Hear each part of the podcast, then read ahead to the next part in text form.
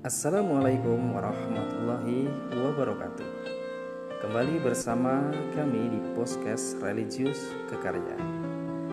Sobat religi, bulan Ramadan telah mendatangi kita kembali.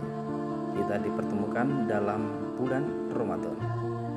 Tentu ada beberapa kiat-kiat sukses di dalam bulan Ramadan.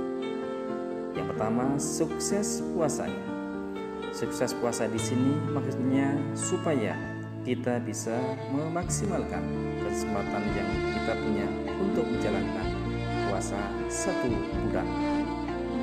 Sukses yang kedua yaitu sukses tadarus Al-Quran.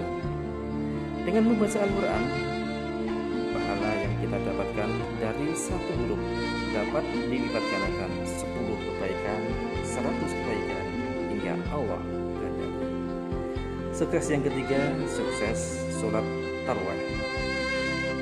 Perlu kita ketahui bahwasanya sholat tarwah ini adanya di bulan Ramadan. Memang sholat tarwah ini sunnah hukumnya, tapi seandainya kita melaksanakan akan mendapatkan pahala.